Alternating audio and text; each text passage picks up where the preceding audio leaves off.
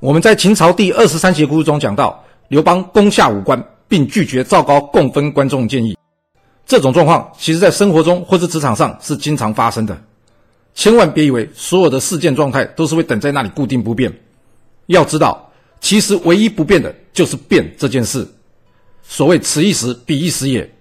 我们做决定之前要记住，其实时机的掌握与事件的详细评估是一样重要的。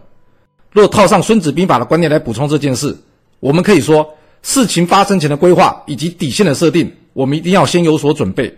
这样，当时机来临的时候，我们才有可能在正确的时间内掌握机会，而不是错过机会。